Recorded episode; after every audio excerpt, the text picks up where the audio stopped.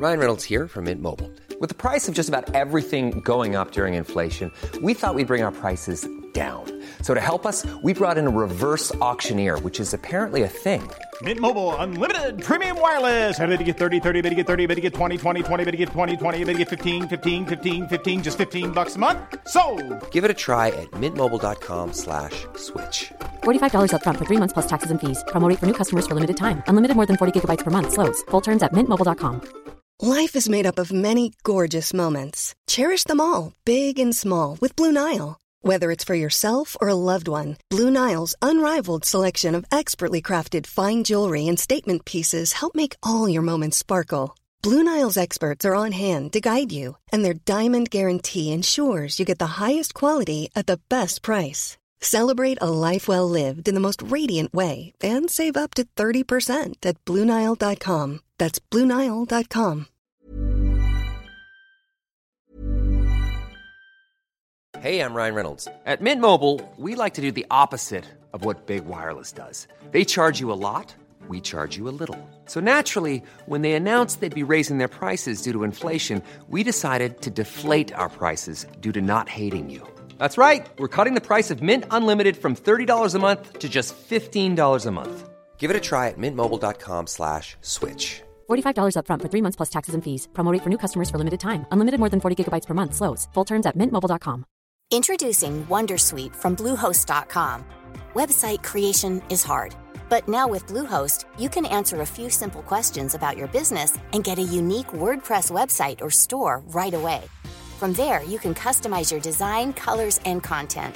And Bluehost automatically helps you get found in search engines like Google and Bing. From step-by-step guidance to suggested plugins, Bluehost makes WordPress wonderful for everyone. Go to bluehost.com/wondersuite.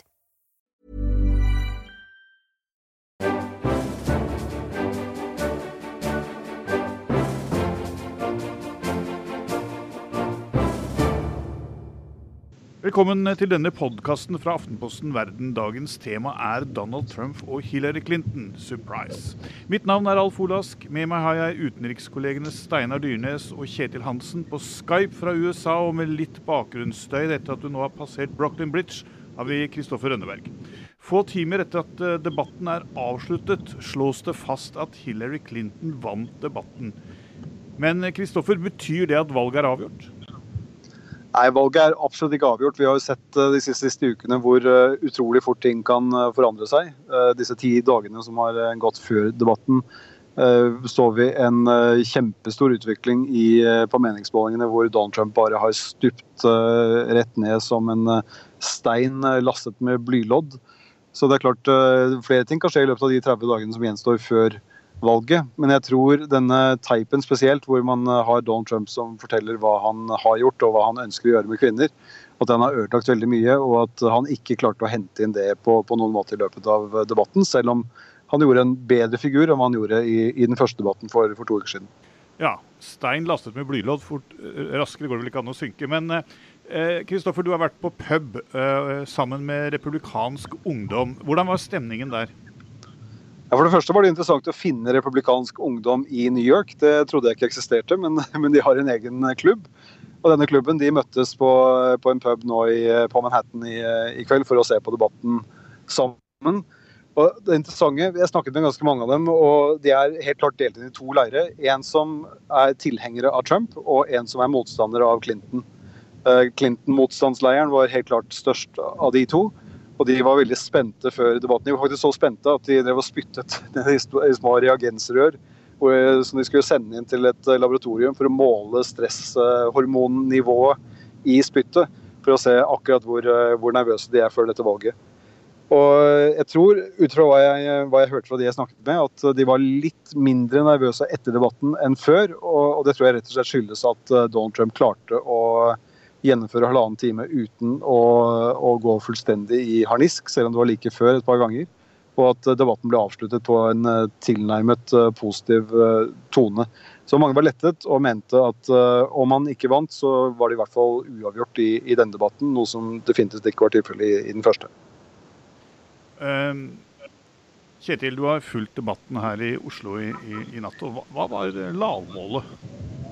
Det er veldig mye og veldig.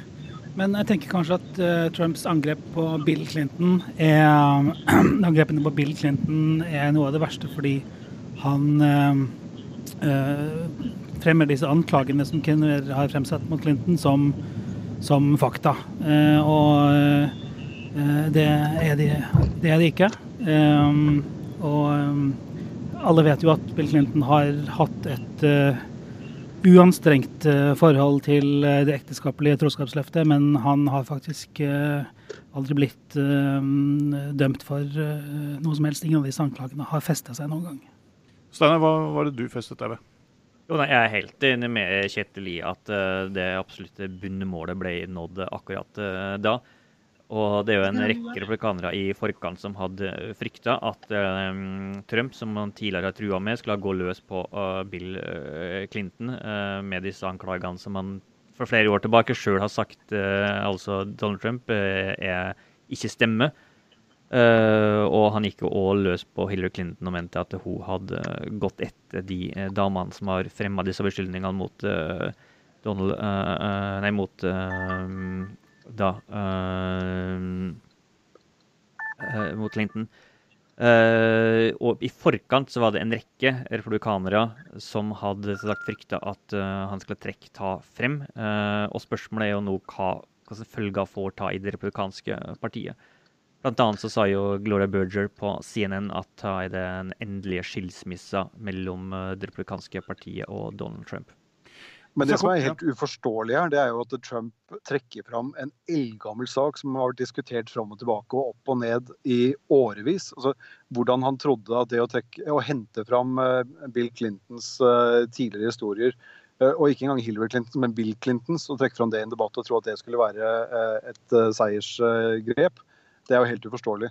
Men jeg er litt uenig med dere når det gjelder hva som var bunnpunktet i debatten. Jeg tror det var da, da Donald Trump truet med å med å opprette en spesialetterforsker som skulle gå etter Hillary Clinton, og hvor han opptil sa at eh, hvis jeg hadde vært president, så hadde du sittet i fengsel. Og Det er sånne ting vi hører fra land uh, som jeg ikke tror USA liker å sammenligne seg med. Og som i hvert fall ikke hører hjemme i et uh, demokratisk styresett. Og Jeg vil anta at uh, den setningen der den kommer mange til å snakke om nå i, i dagene som kommer. Det er jeg ganske sikker på. Men la oss holde oss litt til disse TV-debattene. Eh, hvorfor er disse TV-debattene blitt så viktige? Og Den forrige debatten satte altså rekord i seertall.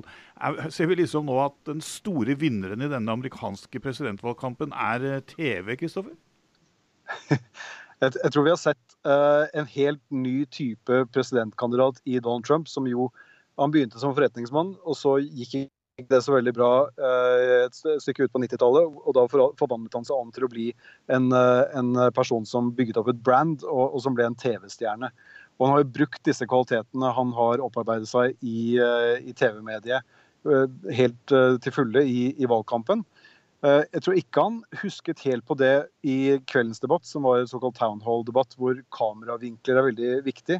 Eh, vi får helt sikkert se også i dagen som, som kommer en del bilder hvor eh, Trump liksom henger over Clinton på en eh, ganske ubehagelig måte. Men det at han har brukt TV-mediet for alt det har vært verdt, med massemøtene sine og med sterke anklager og med, med ramsalte utspill, og fått all den oppmerksomheten han har gjort, det, det tror jeg nok har gjort at annonseinntektene til eh, kabel-TV-selskapene som CNN og Fox News har gått eh, kraftig i været som en følge av Donald Trump. Så der kan de, der kan de ha mye å takke ham for. Men eh, Kjetil, er Aldri har det vært to så lite populære kandidater i et amerikansk presidentvalg som det vi har nå. Og så er det liksom godt TV.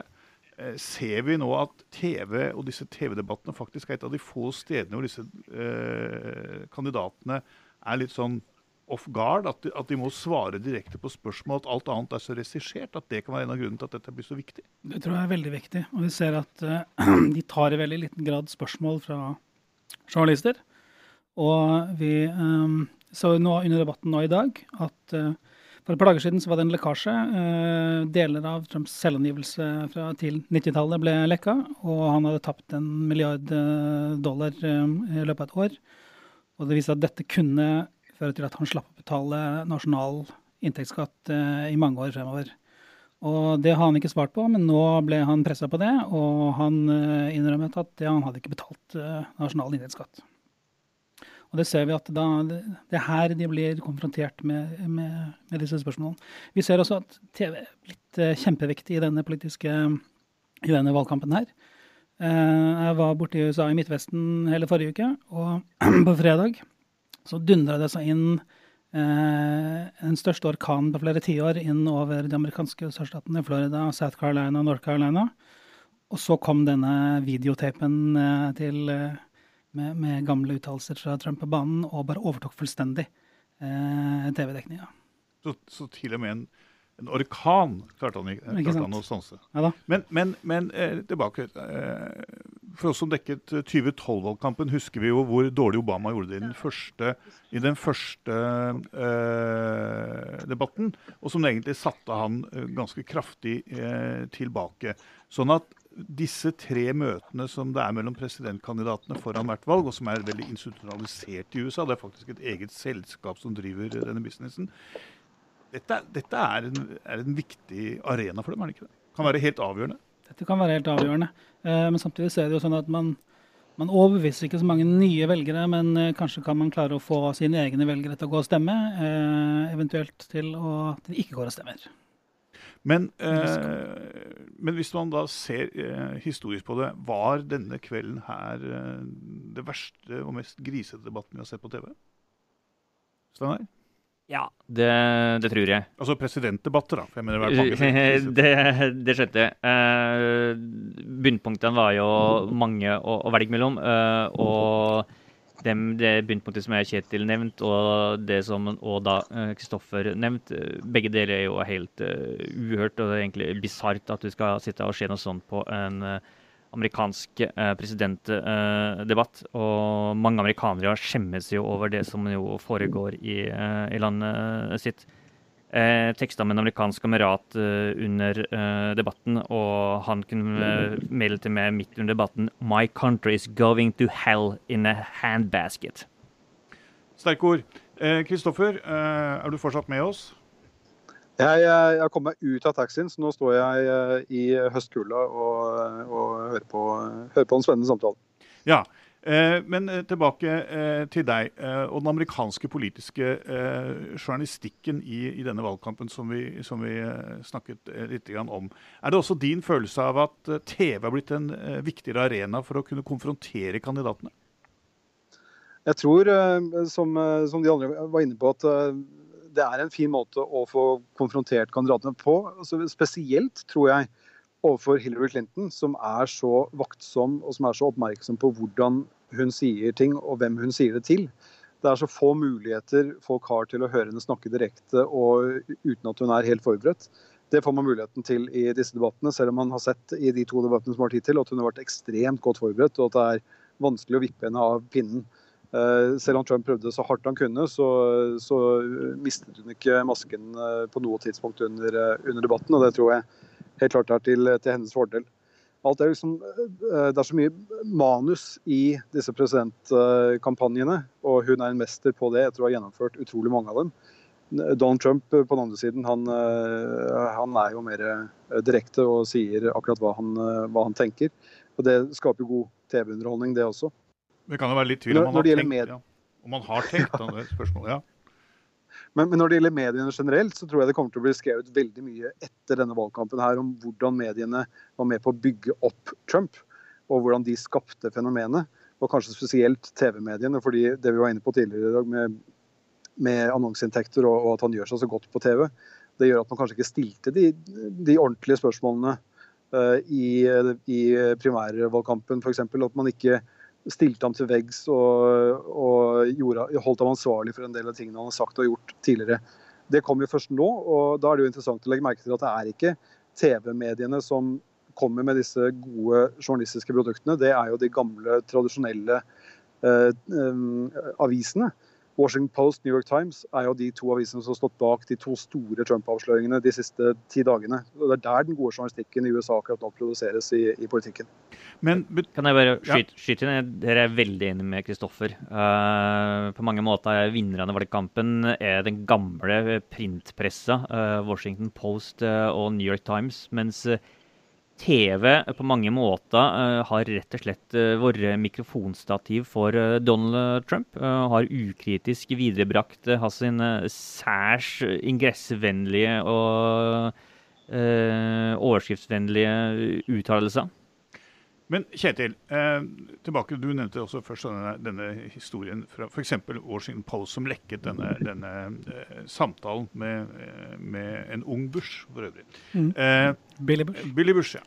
Eh, men eh, noen har jo påstått i fullt alvor at dette nærmest var en hevnakt fordi at Washington Post er blitt kastet av og ikke får lov til å være med på valgkampbussen skråstrek flyet til Donald Trump.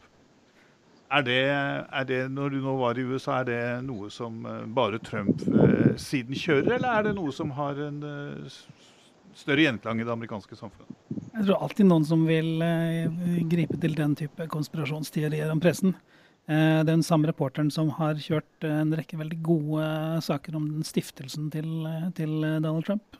Så det hjelper sikkert på, for de som tror på sånt. Men Kristoffer, eh, du nevnte, eh, og vi var så vidt inne på det her eh, tidligere, Bill Clinton og hans rolle. etter nattens runde hvor han, hans gamle damehistorier ble trukket fram, og hvor Donald Trump har hatt pressekonferanse med disse damene til stede, Bill Clinton er jo en av de beste til å drive valgkamp eh, i, i, USA. Eh, og du så det backstage i kveld også, hvordan han eh, snakker og har kontakt med folk. Er han nå svekket som en støttespiller for eh, kona, eller eh, betyr dette mindre? Jeg tror ikke det på noen måte. Hvis noen har latt seg imponere av at Trump inviterte disse fire kvinnene til, til debatten, så, så, er det folk som stemmer på Trump allerede.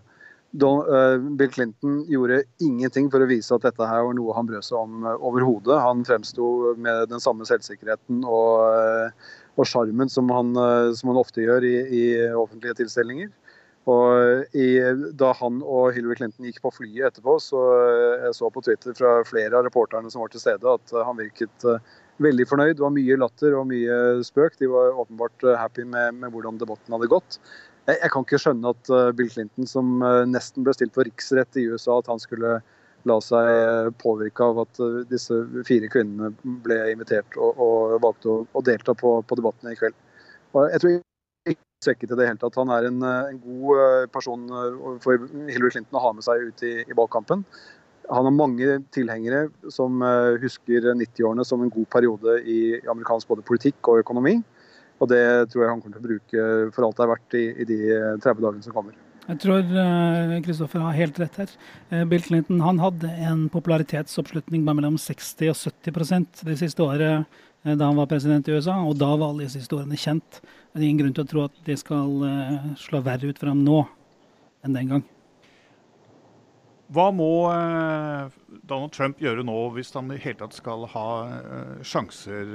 Kristoffer, la oss runde av med, eh, med, det.